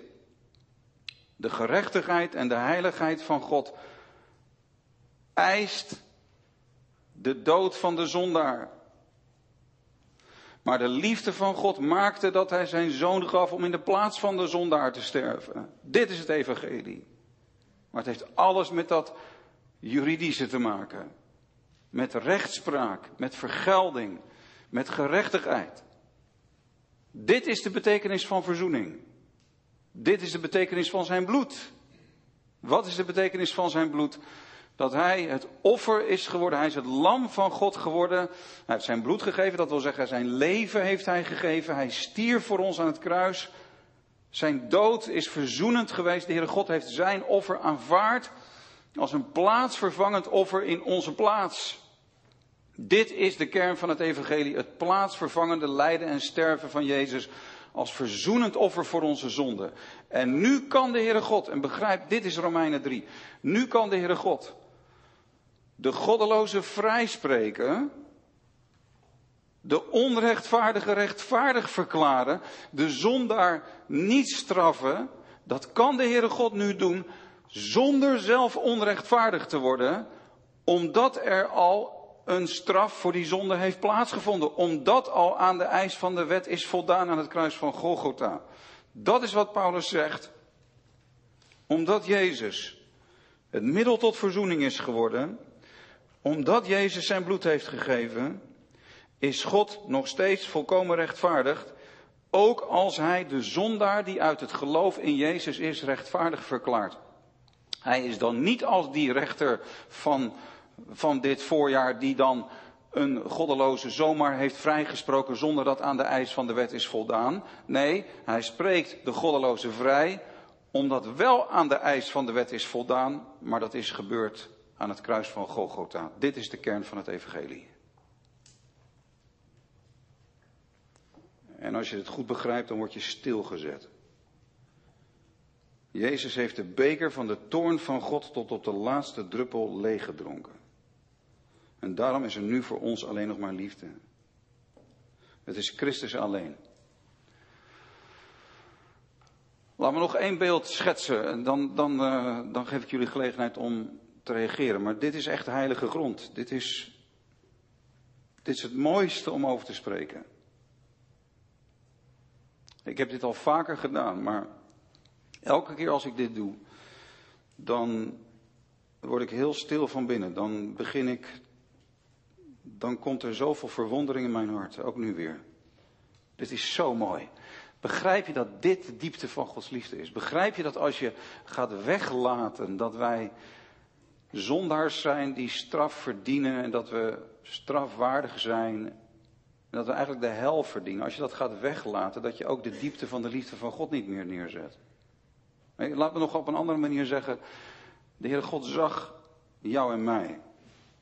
Hij zag ons rebel, ongehoorzaam, hoogmoedig, trots, zelfaanbidders. Hebbende, we willen hebben, we willen begeren, inhalig, egoïstisch. Hem niet eren, hem niet erkennen, vaak leven alsof hij er niet is. We hebben hem getergd op duizenden manieren. Hij zag ons als vijanden, we waren zijn vijanden. We, we hebben zoveel gedwaald, zo ondankbaar. Hij zag ons. En hij zag zijn zoon. Heeft hem altijd geëerd. Heeft geen moment van zijn leven geleefd alsof hij er niet was. Hij was de zoon van wie hij zei: Dit is mijn geliefde zoon, in hem, in, hem, in hem vind ik vreugde. Hij zag zijn volmaakte zoon, die nooit ongehoorzaam is geweest, nooit iets heeft misdaan. Hij was de mens zoals God de mens heeft bedoeld. En hij was van eeuwigheid her al bij hem geweest. De liefde tussen de vader en de zoon is een liefde die jij en ik in dit leven nog nooit hebben geproefd. Die, liefde tussen, binnen de drie eenheid, tussen vader en zoon en de zoon en de vader. Ongekende eenheid en intimiteit en, en waardering en, en, en echte liefde. En hij zag zijn zoon, die mens is geworden, En nou heeft hij besloten om, om die, die straf en het oordeel dat wij verdienen vanwege die vele duizenden ontelbare zonden, met alle rebellie en ondankbaarheid die wij hebben tentoongesteld, nou heeft God besloten om zijn geliefde zoon te straffen met dat oordeel dat wij verdienen. Dat is liefde. Dat is onvoorwaardelijke liefde. Onverdiende liefde. En daarom, weet je, er is geen plek waar je meer liefde vindt dan aan de voet van het kruis. Jij en ik verlangen naar liefde. We hebben allemaal nodig het gevoel dat we bemind zijn, dat er van ons gehouden wordt. En er is maar één plek waar, dat je, waar, waar je werkelijk de liefde vindt die je nodig hebt om tot leven te komen en om hersteld te worden en om vrij te worden. En dat is als je knielt aan de voet van het kruis. En dat je vanmorgen beseft wat Christus voor je deed, wat God voor je heeft gedaan door zijn zoon voor jou te geven. En dat hij zijn zoon heeft gestraft met de, met de straf die jij verdient. Zodat jij nooit meer gestraft wordt. Geen veroordeling voor hen die in Christus Jezus zijn. Nog een beeld wat hierbij past. Wij zijn eh, jaren geleden zijn we regelmatig op vakantie geweest in Luxemburg. En um, uh, dat is een park van Beter Uit, waar ik dan ook meewerkte aan de samenkomsten en zo. En dat ligt vlakbij uh, Viande, een mooi stadje in, de, uh, in, in de, dat gebied daar in Luxemburg. En als je in Viande gaat wandelen, dan kan je stroomopwaarts langs een riviertje lopen. En dan zie je een paar kilometer verderop ligt een dorpje. Dat dorpje ligt aan de voet van een enorme stuwdam. Vroeger lag dat dorpje gewoon aan die rivier, maar ze hebben daar een enorme stuwdam gebouwd. En daarachter, achter die stuwdam is een heel groot meer. En daar is een van de grootste waterkrachtcentrales van Europa. Die kan je ook bezichtigen, dat hebben we ook gedaan. Het water stroomt daar van een, van hoger gebied, daar is ook een stuwdam. En dan laten ze dat water heel erg naar beneden knallen door gigantische pijpen en daar wekken ze heel veel energie op. En dat water komt dus in, die, in dat stuwmeer, wat nu achter dat dorpje ligt. Als je naar dat dorpje loopt, dan zie je dat de kerktoren van dat dorpje, dat komt niet eens halverwege die stuwdam. Dus die stuwdam is twee keer zo hoog als, dat, als die kerktoren. En dat dorpje ligt dus echt aan de voet van, een, van die dam. En daarachter zit een ongelofelijke hoeveelheid water. Nou, ik ga iets schetsen wat niet kan gebeuren, maar wel wat iets duidelijk maakt. Stel je voor, je loopt, je bent in je eentje daar aan het wandelen. En je loopt naar dat dorp toe en je kijkt naar die kerktoren en je kijkt naar die stuwdam en je denkt, wauw, wat een stuwdam. Gigantisch. En terwijl je dichterbij komt, hoor je ineens een krak. En je ziet dat er een scheur is ontstaan in die stuwdam. En je blijft stilstaan en je denkt, wat is dit? En je ziet dat het nat wordt bij die scheur en dat er water begint uit te komen. En je denkt, wat gebeurt hier? En terwijl je stilstaat hoor je ineens niet een krak, maar je hoort een enorme knal. En je ziet dat die stuwdam uit elkaar knalt. En dat er een zee van water op dat dorpje valt. En je bent vlakbij. Je draait je om en je rent weg. Maar je hoort het water achter je. Dat komt bulderend achter je aan. En op dat moment besef je, dit is mijn dood. Maar op het moment dat het water je bijna overspoelt, ontstaat er een gat in de grond achter jou. Waardoor die hele zee van water opgeslorpt wordt. En er is geen druppel van al dat water dat jouw kleren nat maakt dat jou bereikt. Dat is wat er aan het kruis voor jou is gebeurd. Dat water is een beeld van het oordeel van God dat wij verdienen. Maar het is totaal, helemaal, volledig weggenomen aan het kruis van Golgotha. Omdat Christus het oordeel heeft gedragen. Omdat Hij de straf in onze plaats heeft gedragen. En zo heeft Hij vrede gemaakt voltooid verleden tijd, vrede gemaakt hebbende door het bloed, door zijn bloed te geven aan het kruis van Golgotha. Vrede gemaakt hebbende. Als jij hier vanmorgen zit, weet je, en je, en je verlangt naar een echte relatie met God. Je verlangt ernaar om tot in het diepst van je wezen te weten, het is goed tussen God en mij. Weet je, dat is niet iets wat je moet bereiken. Dat is niet iets wat je moet verdienen of kunt verdienen. Dat is niet iets wat je moet voelen. Of waar je een bepaalde bevinding voor moet hebben ondergaan. Dat is niet door bepaalde stadia van bekering te doorlopen. Als jij er vanmorgen naar verlangt, dat je hier vandaag vandaan gaat met de volledige zekerheid en de volledige volheid van vreugde het is goed tussen God en mij. Hij heeft mij lief en er staat helemaal niks meer tussen hem en mij in. Er is geen duistere wolk die de zon bedekt. Ik leef in de, in de zonnegloed van zijn liefde als je daarnaar verlangt.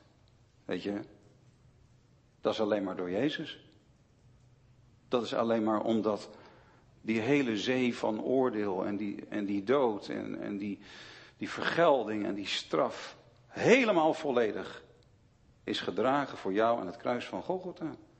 Dat is niet iets wat jij hoeft te bereiken, maar het is door Christus, die als middel tot verzoening door God is aangewezen. En je mag geloven in wat hij voor je deed. Je mag geloven in hemzelf. Geloof in zijn bloed, staat er in Romeinen 3. Geloof in de betekenis van zijn dood voor jou aan het kruis. Het is gewoon geloven. Gewoon ontvangen wat God je wil geven. Geloof is gewoon je handen openen voor wat God je wil geven. Zeggen, dank u Heer dat u mij dit geeft. Ik leg mijn hand op de belofte. Ik, ik zie het nu. Geloven is zien. En ik hoop dat je een beetje meer ziet. Ik schilder het je voor ogen. Ik schilder je de kruisdood van Christus voor ogen vanmorgen. En het enige wat je, weet je, je moet het, je moet het gewoon zien. Je ziet dat Hij het voor je deed. En je aanvaardt het en je, en je zegt, dank u Jezus dat u dit voor mij heeft gedaan.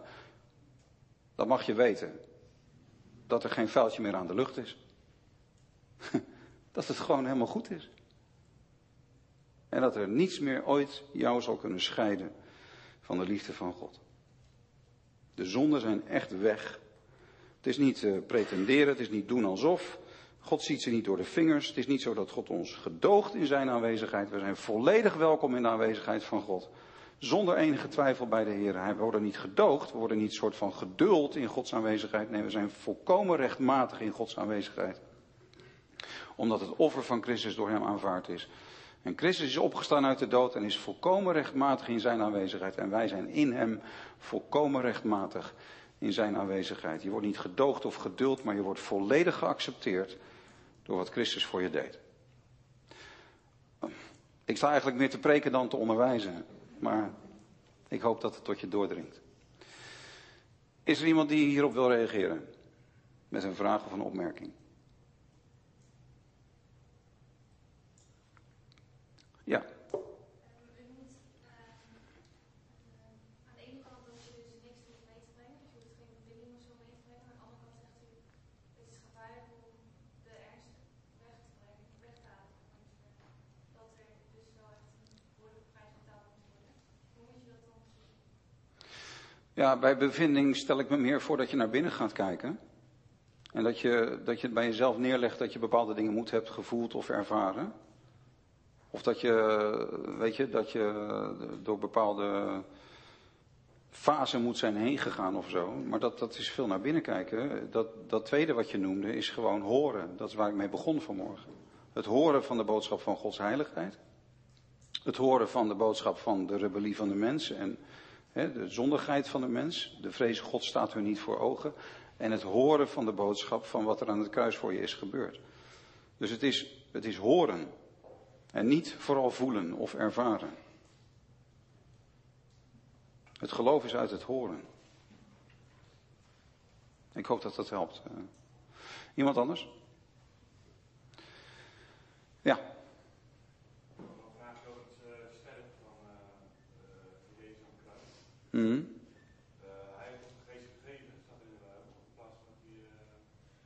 gestorven.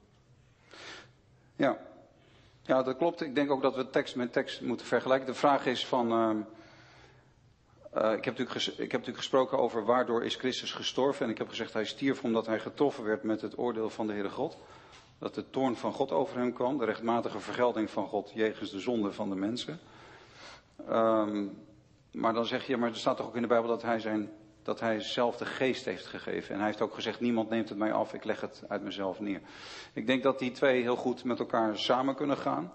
Dat, um, dat Jezus zich heeft overgegeven aan, um, aan de wil van God voor hem. Dat gebeurde al in Gethsemane, maar dat gebeurde ook aan het kruis. Dus hij heeft ook, Heer, niet mij wil, maar u wil geschieden. Dus Jezus gaf zich over aan het plan van de God de Vader. Dat hij lam van God zou worden.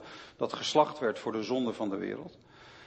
Uh, dus, dus Jezus heeft daar ook gewillig zich aan overgegeven. En tegelijkertijd gebeurde er wat ik net heb beschreven. Maar weet je, dat, ja, dingen blijven natuurlijk ook een mysterie. We, we, kunnen dingen ook niet altijd helemaal begrijpen en ook moeten we ook niet te technisch, denk ik, uh, de dingen willen, willen duiden en begrijpen. Maar je hebt gelijk, Je, Jezus, we kunnen zeggen, God heeft zijn liefde bewezen doordat hij zijn zoon heeft gestraft in onze plaats. Zijn zoon heeft gegeven als een verzoening voor onze zonden. En de Heer Jezus heeft zijn liefde bewezen doordat hij zich heeft overgegeven aan, aan de wil van de Vader. Zijn leven voor zijn vrienden heeft neergelegd zoals hij heeft gezegd. Niemand legt zijn, eh, Jezus ik leg mijn, heeft gezegd ik leg mijn leven voor jullie neer. Dus het is ook Jezus liefde voor ons. Ja, maar dat was gewoon volbracht, dus het was gewoon klaar? Het was klaar en toen gaf hij eh, de geest. Ja. Maar wat bedoel je daarmee? Ja, van wanneer het volbracht was. eh. Ja, dat hij in principe niet, eh, dat hij gewoon klaar was met al het werk wat hij eh, met het lijden aan het leggen. En dat hij toen, eh, Ja. Ja. Het,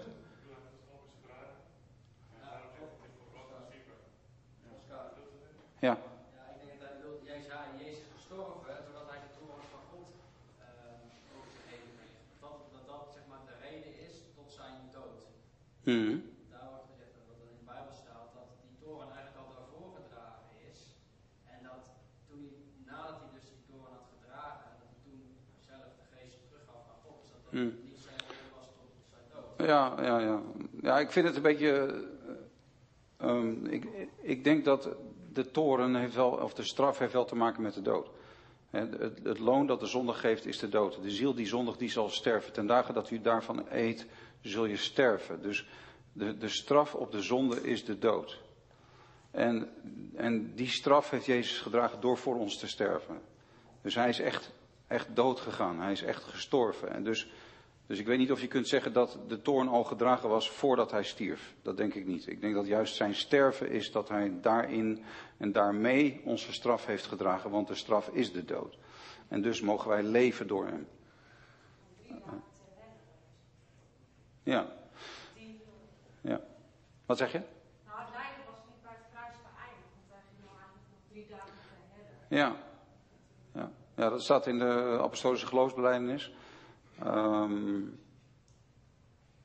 maar ja, inderdaad, de Heer Jezus is drie dagen dood geweest. Ja. En, eh, en daarna heeft God hem opgewekt uit de dood. En dat is het bewijs dat God zijn offer heeft aanvaard. Zijn opstanding uit de dood is het bewijs dat onze zonden echt zijn weggedragen. Dat dus het offer van de volmaakte Zoon van God door God de Vader is aanvaard als genoegzaam offer, als uh, weet je, een uh, genoegdoening brengend offer.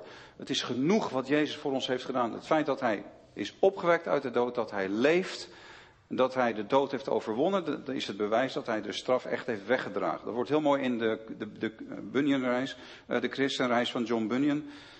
John Bunyan heeft het uh, allegorie geschreven op het leven van de christen. En dan uh, komt uiteindelijk, uh, christen komt naar, hij heeft een heel pak met, met lasten heeft hij op zijn rug. Een enorme rugzak draagt hij met zich mee. En dan uiteindelijk wordt hem door evangelist de weg naar het kruis gewezen. En dan knielt hij uiteindelijk neer aan de voet van het kruis. Dan, valt, dan, dan rolt dat hele pak van zijn rug af. Al die lasten, al die zonden, die worden onmiddellijk van hem afgenomen en die rollen van de berg af en die komen in het lege graf terecht. Dat is een prachtig beeld. In het lege graf. Dus het graf was leeg. En dat betekent dat onze zonden echt zijn weggedragen. Dat, dat het offer van Christus, van Gods Zoon, van de Heer Jezus door God is aanvaard. Ja. Ik denk, vraag me af of je kunt zeggen dat de Heer Jezus in de hel is geweest. Ja. Er staat dat hij in het dodenrijk was. En de Jezus zegt ook, heden zult gij met mij in het paradijs zijn. Ja, precies. Ja, nee. Nee, dat, i- ja, dat is inderdaad, dat zinnetje uit de apostolische geloofsbelijdenis, dat, dat is ook wel ter discussie. Ehm, eh, want de hel is misschien ook wel, uit de openbaring is de hel, de, ja, wat straks gaat komen als, als Satan en zijn engelen in de hel zullen worden geworpen en, en ook andere mensen, mensen in de hel zullen worden geworpen, wat de Bijbel zegt, maar waar Jezus precies was.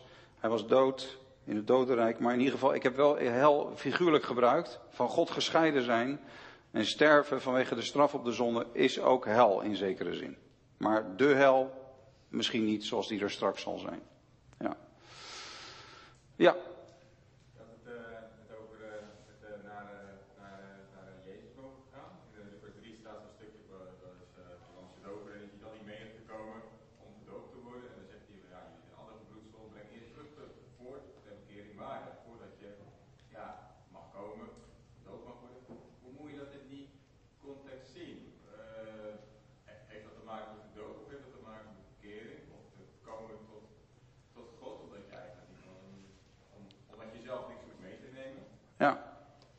Ja, je, je vraagt naar eh, de prediking van Johannes de Doper. Johannes de Doper die eh, had natuurlijk nog niet, eh, die had, heeft natuurlijk niet gezien dat Christus stierf en opstond uit de dood. Dus hij, hij predikte niet het evangelie zoals de apostelen het evangelie predikten. Hij wees wel op het lam van God. Zie het lam Gods dat de zonde der wereld wegneemt. En hij riep op tot bekering. Ja. En die, die oproep tot bekering hoort ook bij het evangelie. En ik denk, daar ga ik zo meteen iets meer over zeggen. Uh, want ik wil, ik wil nog een stapje verder gaan. We zijn begonnen met openbaring. Toen hebben we nagedacht over Gods heiligheid. En nu hebben we nagedacht over, over Christus en verzoening. Hè, van het altaar, Jezaja 6. Er kwam een, uh, een seraf met een gloeiende tang van het altaar. Dus vanaf het altaar vindt er verzoening plaats. Zo is uw misdaad van u geweken en uw zonde verzoend. En dat past helemaal bij Romeinen 3, dat God hem openlijk heeft aangewezen als middel tot verzoening. Dus het altaar, het echte altaar is het kruis van Golgotha, van waaraf wij worden gereinigd en, en de verzoening komt voor onze zonden. Um, maar dat is, we gaan nog een stapje verder door na te denken over dat wij dan, als we dit begrijpen, ook echt voor God gaan leven. En dat is meer de bekering, maar misschien dat ik daar beter iets op in kan gaan als ik het vierde paneel van vanmorgen heb uh, geschilderd.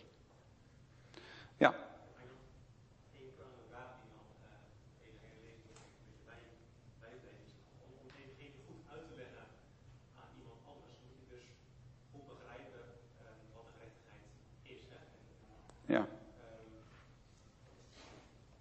Je had ook het voorbeeld aangehaald, dus van dat er een duidelijk slachtoffer is van iemand die vermoord wordt. Maar wie is eigenlijk nu het slachtoffer in de rettigheid um, die Jezus heeft goed meegebracht?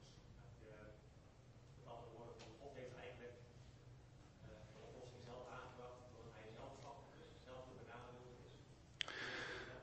Ja.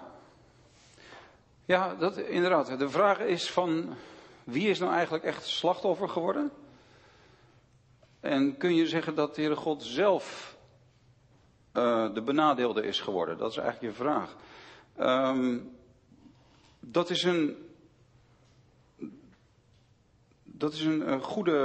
Um, een goede vraag, maar ook een goede observatie. Dat.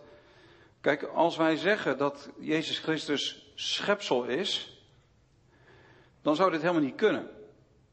Want hoe kan het leven van een ander schepsel de zonde van de wereld wegnemen? Hoe kan, uh, als Jezus alleen maar mens was en niet meer dan mens, hoe kan de Heere God de dood van één mens accepteren als verzoening brengend voor de zonde van zoveel andere mensen? Daarom is ook de drie-eenheid zo belangrijk. En dat wij beleiden dat Jezus Christus aan God gelijk is. Hij is God de Zoon. Hij is God die in het vlees is gekomen. Hij is God te prijzen tot in eeuwigheid, staat er in, in de Hebreeënbrief. Hij wordt echt aan God gelijkgesteld, heeft hij ook met zijn eigen uitspraken gezegd. Hij zei, um, ik ben de goede herder. Nou, Psalm 23 zegt, de Heere is mijn herder. Hij zei, ik ben het licht van de wereld. Psalm 27 zegt, de Heere is mijn licht en mijn heil. Jezus zei hele radicale dingen over zichzelf. Daarom kwam hij ook in, in conflict met, uh, met de religieuze leiders. Daarom botste hij natuurlijk met de fariseërs en de, en de hoge priester en de schriftgeleerden. Omdat hij dingen over zichzelf zei die, die normaal gesproken een mens niet over zichzelf mag zeggen. Hij zei zelfs, eer Abraham was, toen zei hij niet eer Abraham er was, voordat Abraham er was, was ik er al. Nee, Jezus zei, voordat Abraham er was. En toen zei hij ineens, ik ben. En de Joden begrepen onmiddellijk dat Jezus refereerde aan hoe God zich aan Mozes openbaarde. Ik ben die ik ben. De ik ben, de God die er is, Yahweh, dat betekent Hij die is. Dat is de betekenis van Yahweh, van de naam van God, de God die er is. De enige waarachtige God. De God die is. En Jezus zegt notabene over zichzelf, voordat Abraham er was, en dan zegt, dan zegt Jezus, ik ben. Hij heeft zich zo duidelijk aan God gelijk gemaakt met zijn uitspraken over zichzelf. Dan nemen de Joden steen op om hem te stenigen. Want zeggen, dit is godslastelijk wat deze man hier over zichzelf zegt. Ergens wel begrijpelijk. Maar dit is nou juist de diepte van het evangelie. En inderdaad, als je het zo ziet, dan is het niet zo dat God een ander schepsel straft in onze plaats, maar dat God eigenlijk in zijn zoon de zonde in zichzelf opneemt. Zo liefdevol is God dat hij in zijn zoon eigenlijk zelf de zonde ook dragen. Ja, wie was slachtoffer? Jezus Christus was slachtoffer. God de Zoon was slachtoffer. De Heere God die, die zorgt er zelf voor dat onze zonden worden weggedragen. Maar juist omdat Jezus leven zondeloos was en omdat hij God de Zoon was, is er kracht in zijn bloed. Is, er, is, er, is zijn dood zo krachtig geweest. Ja. Daarop zijn vraag had van de week ook over met eh, mijn broer. Die had het over zijn schoonvader. Die zegt, ik laat iedereen in zijn waar, ik geef ieder het zijne. En dan is het zeg maar eigenlijk een beetje te verlengen van wat hij zegt. Wie is dan zeg maar tegenover wie is schuldig staat. En ik vind het heel mooi hoe je zeg maar Gods heiligheid schetst. Als van, we hebben een ontiegelijke schuld tegenover God, vanuit wie hij is in zijn karakter. Dat zeg maar. Juist. Ja, ja. Ja, het is, het is ook belangrijk, dat sluit hierbij aan, van de verzoening was dus Godgericht. Klinkt een beetje theologisch, maar wat heel populair is, dat, dat is een beetje een opmaat voor vanmiddag, maar dat is de losprijs aan Satan-theorie. Dus het hele idee dat Jezus dus een losprijs heeft betaald betaald. Hè. Uh, uh, Jezus die zijn leven geeft als losprijs voor velen. Een, een, een, losprijs is om een slaaf vrij te kopen uit de slavernij. Dat is de terminologie uit de Griekse taal van toen. Uh, een losprijs. Hè, er wordt een prijs betaald zodat iemand die een slaaf is vrij wordt en vrij gekocht wordt uit de slavernij. Maar de losprijs aan Satan-theorie is zeer populair. Kom je ook in verschillende vormen kom je dat tegen. Het hele idee dat Satan de hele mensheid in zijn bezit had gekregen. Dat Satan de soort van de zogenaamd rechtmatige eigenaar van de mensheid is geworden vanwege de zondeval. Dat dus ieder mens, uh, dat ieder mens een soort van uh, bezit van de duivel is geworden. En dat Jezus een losprijs heeft betaald aan de duivel om de mens van de duivel vrij te kopen. Daarmee geef je de duivel veel te veel eer. Dat is absoluut niet bijbels. De verzoening was niet duivelgericht. De verzoening was niet Satan gericht. Eh, Satan is een schepsel. Satan heeft helemaal niet het recht op de hele mensheid. Satan is de verleider en de aanklager en de boze en de, de vader van de leugen. En, hij, en zijn engelen, die zijn, dat is allemaal realiteit.